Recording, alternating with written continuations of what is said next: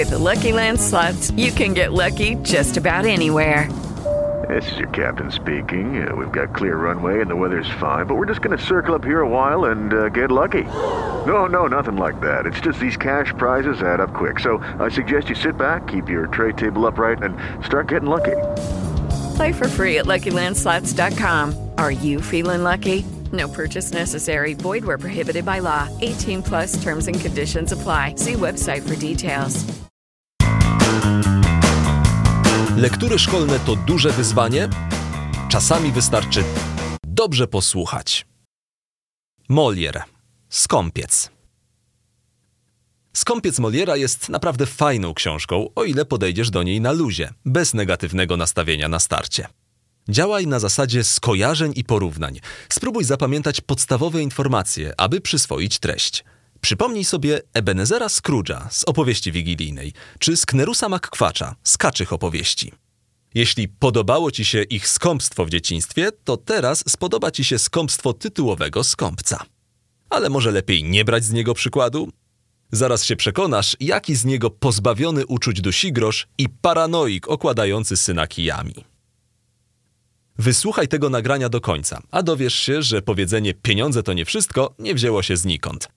Molière w Skąpcu w odpowiednio lekki i jednocześnie zabawny sposób pokazał, że ludzie dzielą się na tych, którzy kochają innych i na tych, którzy kochają pieniądze. Poznaj niezbędne minimum. Akcja rozgrywa się w Paryżu, w domu Harpagona. Trudno określić czas rozgrywanych wydarzeń, gdyż nie jest on jasno wyszczególniony. Jednak można przypuszczać, że będą to lata bliskie samemu autorowi, czyli druga połowa XVIII wieku, w której Molière tworzył. To czasy, kiedy panie nie bały się jeździć karocą na jarmark. Jeżeli chodzi o bohaterów, to najważniejsze, byś zapamiętał główne postaci. W całej książce pojawia się ich oczywiście więcej, lecz albo mają role epizodyczne, albo występują w pojedynczych scenach w roli sług. Zacznijmy od najważniejszego bohatera, czyli Harpagona, tytułowego skąpca, który z grosza nie zejdzie. Jest wdowcem i ponad szczęście rodziny stawia pieniądze. Ma dwoje dzieci, Elizę i Kleanta. Łatwo ich zapamiętasz, gdyż mają wyjątkowego pecha w miłości.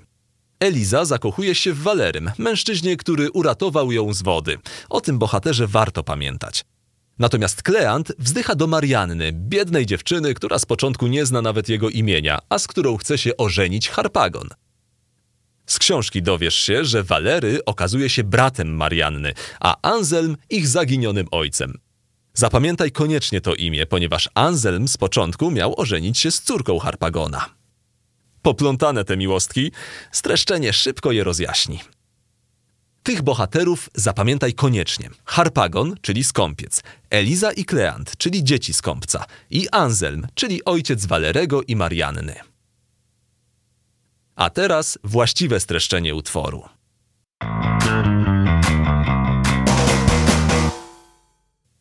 Akt pierwszy, scena pierwsza.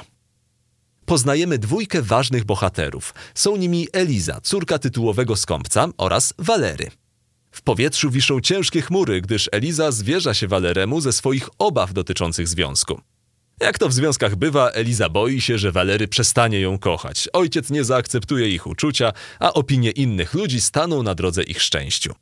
Wyobraź sobie typową telenowelę, w której dwoje zakochanych przeżywa kryzys, bo kobieta ma ciężki dzień. To właśnie te powody. Eliza wspomina także dzień, w którym Walery uratował ją przed utonięciem i dla niej postanowił porzucić swój dom, rodziców i zostać sługą jej ojca. Rozumiesz? Walery został sługą w domu Harpagona, by być bliżej Elizy, a ta robi mu teraz wyrzuty, że związek nie przetrwa. Mimo to Eliza bardzo chce, by Walery wkupił się w łaski jej ojca. Mężczyzna zgadza się i radzi ukochanej, by ta zyskała poparcie u swojego brata, Kleanta. Scena druga. Kleant, widząc swoją siostrę samą, od razu do niej podbiega i postanawia opowiedzieć jej o swoim życiu miłosnym. Mówi Elizie, że zakochał się w biednej dziewczynie, Mariannie, która mieszka z chorą mamą i cały swój czas poświęca opiece nad nią. Kleant jest zły na ojca za jego skąpstwo. Prosi Elizę, by ta wybadała, jak Harpagon widzi jego związek. Przy okazji wyjawia, że jeśli Harpagon nie zdecyduje się mu pomóc, to on wyprowadzi się z domu. Jakby tego było mało, zaleca to samo swojej siostrze.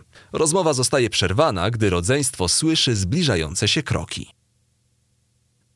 Scena trzecia. W tej scenie widać skąpstwo Harpagona jak na dłoni. Kiedy wszedł do pokoju i zobaczył w nim strzałkę służącego Kleanta, wpadł w szał. Zaczął go oskarżać o plotki i ukryte pieniądze. Harpagon ignoruje tłumaczenia strzałki, zaczyna go przeszukiwać jak bramkarz kibiców przed meczem, a kiedy nie znajduje żadnych ukrytych pieniędzy, to ze złości wyrzuca go z domu. Dosłownie posyła go do wszystkich diabłów. Scena czwarta. Harpagon siedzi sam i jak to samotny milioner duma nad tym, kto i kiedy chce go okraść. Non-stop obawia się kradzieży, złorzeczy na przegonionego służącego i zastanawia się, czy jego 10 tysięcy talarów w złocie zakopane w ogrodzie są bezpieczne. Wiesz, czemu Harpagon nie trzymał złota w skrzyniach? Bo uważał, że tam od razu wybiera się każdy złodziej, a całego ogródka przecież mu nikt nie przekopie. Scena piąta. Harpagon tak się zagalopował w swoich rozważaniach na temat własnego majątku, że nie dostrzegł, jak do pokoju weszli Eliza i Kleant. Prawie spadł z krzesła, jak ich zauważył i zdał sobie sprawę, że ciągle powtarzał pod nosem o swoich dziesięciu tysiącach talarów zakopanych w ogrodzie. Od razu zaczął wypytywać dzieci, czy cokolwiek usłyszały i wmawiać im, że to tylko mrzonki i on, stary Harpagon, wcale takiego majątku nie ma, tylko sobie marzy. Kleant twardo stwierdził, żeby przestał ich robić w bambuko, bo wszyscy wiedzą, jaki ojciec ma majątek. Harpagon, słysząc to, natychmiast się rozzłościł i zaczął oskarżać Kleanta o kradzież i wypominać mu jego wytworne stroje. Kleant przyznał się, że dorobił się na grze w karty. Nagle następuje szybka zmiana tematu. Harpagon ogłasza, że na stare lata chętnie posiadłby jakąś młódkę. Zdradza swoje plany ślubu z Marianną. W tym momencie Kleant słabnie i wychodzi. Powiedzenie, kto nie ma szczęścia w miłości, to ma w kartach, w tym przypadku się sprawdza. Scena szósta. Harpagon nie martwi się wyjściem Kleanta, od razu zdradza Elizie swoje dalsze plany. Kleant poślubi wdowę, a ona wyjdzie za pana Anselma. Gościu jest ponoć dojrzały, rozsądny, doświadczony. Ich ślub ma się odbyć jeszcze tego samego dnia. Eliza każe się ojcu popukać w czoło i kategorycznie się nie zgadza na jego pomysł. Harpagon wykorzystuje spryt i zakłada się z Elizą, kto ma rację. Widząc przechodzącego obok Walerego, prosi go, by został sędzią w sprawie. Pamiętajmy, że Eliza kocha Walerego, Walery Elizę, a Anselm właśnie wcina się pomiędzy wódkę a zakąskę. Scena siódma. Harpagon podstępem pyta Walerego, kto ma rację w zakładzie, on czy córka. Walery, nieświadomy przedmiotu zakładu, mówi zdecydowanie, że Harpagon, jako wcielenie rozsądku, ma na pewno rację. I w tym momencie, jak to się mówi, jest po ptakach. Kiedy Walery dowiaduje się, że właśnie poparł ślub Elizy z Anselmem, natychmiast stara się odkręcić sytuację. Nie potrafi jednak odeprzeć argumentu, że Anselm chce Elizę bez posagu. Scena ósma. Eliza jest przerażona rychłym ślubem. Walery rycersko obiecuje jej zająć się tą sprawą. Ustalają, że Eliza uda chorobę, aby zyskać na czasie. On tymczasem zajmie się udaremnieniem małżeństwa z Anselmem. Scena dziewiąta. Do pokoju wchodzi ojciec. Walery więc przechodzi do realizowania swojego planu. Mówi głośno i wyraźnie, by Harpagonowi nic nie umknęło, że córka powinna być posłuszna ojcu i wyjść za mąż, czy to się jej podoba, czy nie. Harpagon, słysząc te słowa, urósł o dwa metry i nakazał córce posłuszeństwo.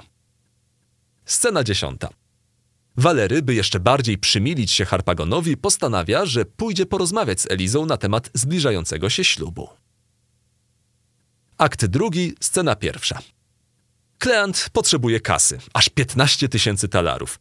Strzałce, słudze Kleanta, którego wygonił Harpagon, udało się znaleźć lichwiarza, który jest gotów pożyczyć taką sumę. Warunki są jednak złodziejskie, jak na lichwę przystało. Nie dość, że procent wysoki, to jeszcze z 15 tysięcy Kleant otrzyma jedynie 12 tysięcy w gotówce, a pozostałe 3 tysiące w rupieciach domowych, ubraniach i innych kosztownościach. Jak to mówią starzy górale, z braku laku dobry i kit. Kleant zgadza się na ten wyzysk. Scena druga.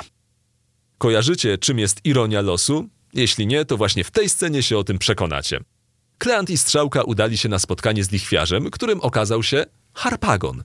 Harpagon się wścieka, a Simon, pośrednik między skąpcem a klientami, wieje, gdzie pieprz rośnie i zostawia ich samych. Scena trzecia. Kleant z Harpagonem po raz kolejny się kłócą. Ojciec wyrzuca synowi, że chce się rujnować takimi niegodziwymi pożyczkami. Na co syn odpowiada, że ojciec zajmuje się lichwiarskimi sprawami. Suma summarum, Harpagon wyrzuca Kleanta z domu. Scena czwarta. W tej scenie pojawia się nowa postać, Frozyna, która jest swatką. Harpagon chce z nią pomówić na temat swojego ślubu z Marianną. Scena piąta. Frozyna opowiada strzałce o małżeństwie Harpagona z Marianną. Strzałka zaś decyduje się powiedzieć wszystko o skąpstwie Harpagona i uświadamia ją, że nie ma co liczyć na duży zarobek. Scena szósta. Harpagon nie daje żyć Frozynie i ciągle wypytuje ją o Mariannę, a zwłaszcza o jej posag. Frozyna zaś, by zarobić na tym ślubie jak najwięcej, prawi Harpagonowi mnóstwo komplementów. Jednak ten stary wyjadacz zdaje sobie sprawę z motywacji Frozyny i jak ognia unika tematu wynagrodzenia. Z kolei Swatka wyznaje zasadę: jak nie da jeden, to da drugi i liczy na ciężki mieszek od Marianny. Akt trzeci. Sceny od pierwszej do czwartej. Teraz się skoncentruj, bo pojawia się bardzo dużo nowych postaci. Ale nie martw się na zapas, to tylko służący w domu Harpagona.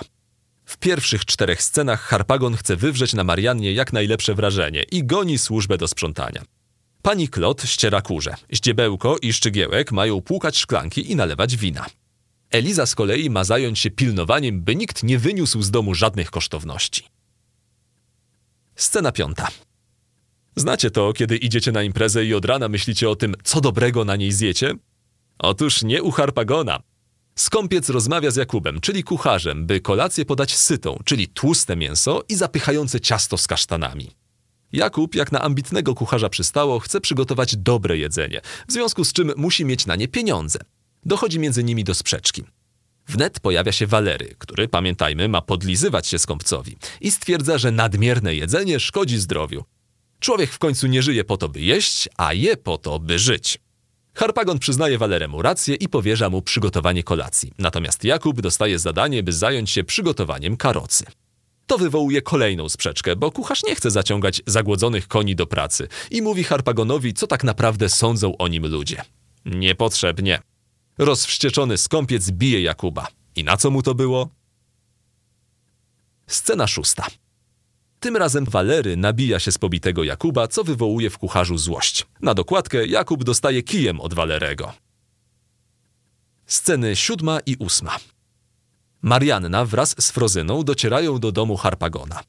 Proszą Jakuba, by ten powiadomił skąpca o ich przybyciu. Oczywiście tak go nie nazywają, ale my wiemy o kogo chodzi. Marianna wyjawia Frozynie, że wolałaby poślubić młodzieńca, który swego czasu ją odwiedzał. Nie zna imienia Kleanta.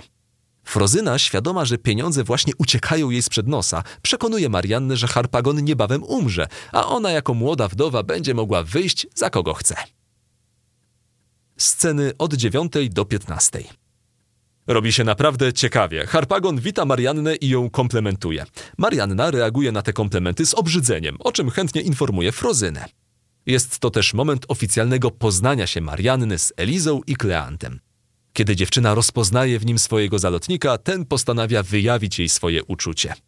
Domyślasz się, jak reaguje skąpiec? Otóż to, pieni się ze złości. Sytuację i swoją sakiewkę próbuje ratować Frozyna, która wpada na pomysł wyjazdu na jarmark. Harpagon przystaje na propozycję i każe przygotować powóz, jednocześnie przeprasza za brak przekąsek na drogę. Jednak Kleant jest czujny i postanawia dopiec ojcu jeszcze bardziej poprosił służbę o kosze chińskich pomarańczy, daktyli i konfitur. Pomyśl sobie, ile to wszystko kosztuje, a potem wyobraź sobie, w jaki sposób zareagował skąpiec. Właśnie, znowu pieni się ze złości. Ostatnia szpila wbita ojcu przez Kleanta to ściągnięcie pierścienia z dłoni Harpagona i podarowanie go Mariannie. Skąpiec, doprowadzony do granic cierpliwości, wyzywa Kleanta od zdrajców i opryszków. W międzyczasie wpada sługa z informacją, że konie nie są podkute. Kleant wykorzystuje nieuwagę Harpagona i zabiera kobiety do ogrodu. Akt czwarty. Sceny pierwsza i druga. Kleant z Marianną zapewniają Frozynę o swojej miłości i proszą, by ta spróbowała to wszystko odkręcić. Pojawia się pomysł, że najlepszym rozwiązaniem jest przyprowadzenie innej, bogatszej niż Marianna dziewczyny i przedstawienie jej Harpagonowi. Wtedy powinien on pójść za głosem pieniądza i odrzucić biedaczkę. Rozmowę przerywa skąpiec, który oznajmia, że karoca jest gotowa do drogi. Panie wyruszają na jarmark, Kleant zaś zostaje z ojcem w domu. Scena trzecia. Panowie rozmawiają na temat Marianny. Kleant wykręca się, że nic nie czuje do dziewczyny.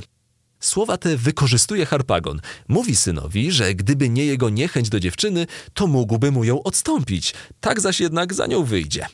W tym momencie Kleant się poddaje i wyjawia prawdę. Dzieli się z ojcem swoją miłością do Marianny, czym go rozwściecza.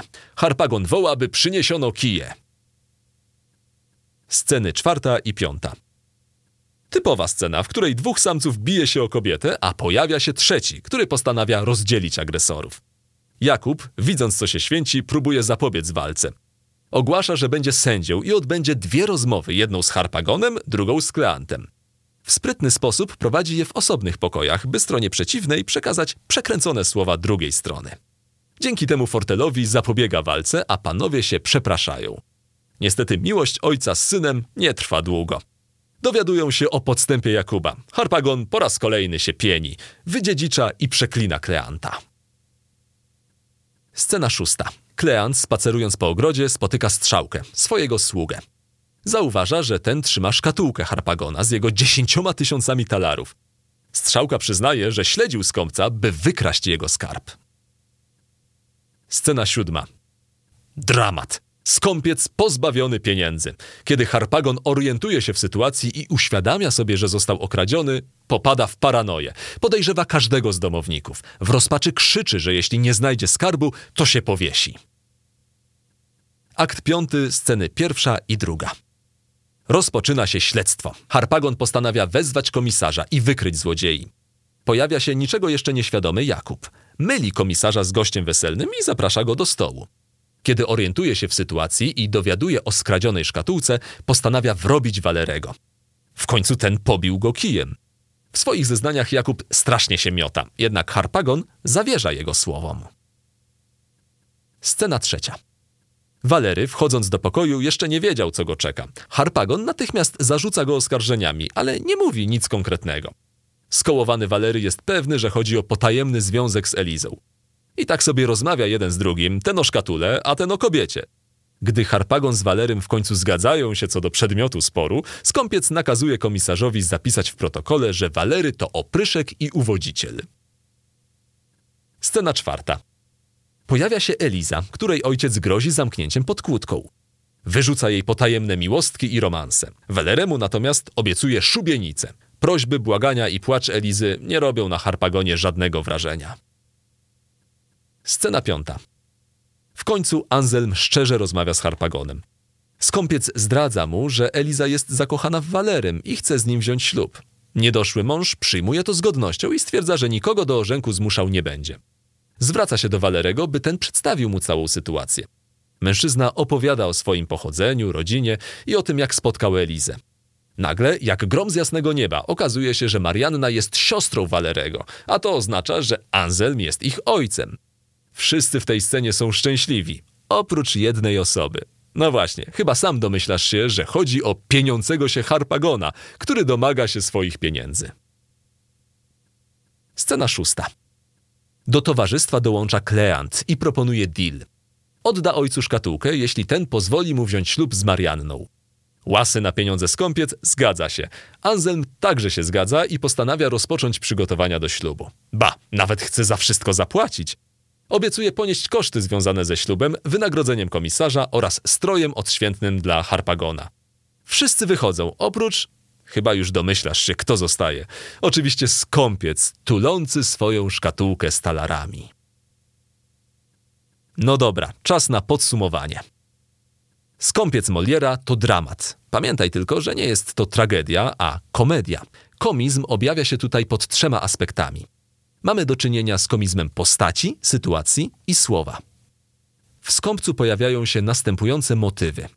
Motyw szkatułki jako przedmiotu czułości i troski Harpagona. Motyw skradzionej cnoty. Motyw służących jako komentatorów. I motyw cudownie odnalezionej rodziny. Pamiętaj o Anselmie, Walerym i Mariannie.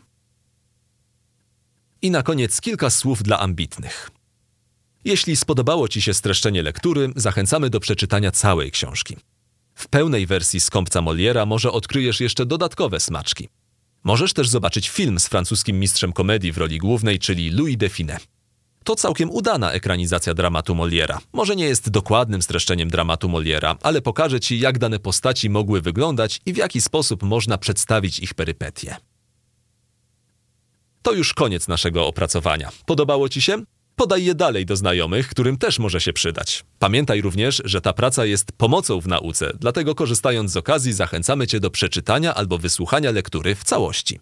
A tymczasem powodzenia na zajęciach.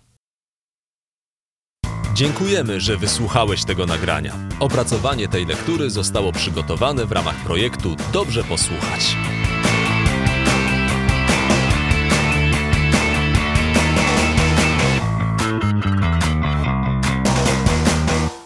Hello, it is Ryan, and we could all use an extra bright spot in our day, couldn't we? Just to make up for things like sitting in traffic, doing the dishes, counting your steps, you know, all the mundane stuff. That is why I'm such a big fan of Chumba Casino. Chumba Casino has all your favorite social casino style games that you can play for free anytime, anywhere with daily bonuses. That should brighten your day a little. Actually, a lot. So sign up now at chumbacasino.com. That's chumbacasino.com. No purchase necessary. Group. Void were prohibited by law. See terms and conditions. 18 plus.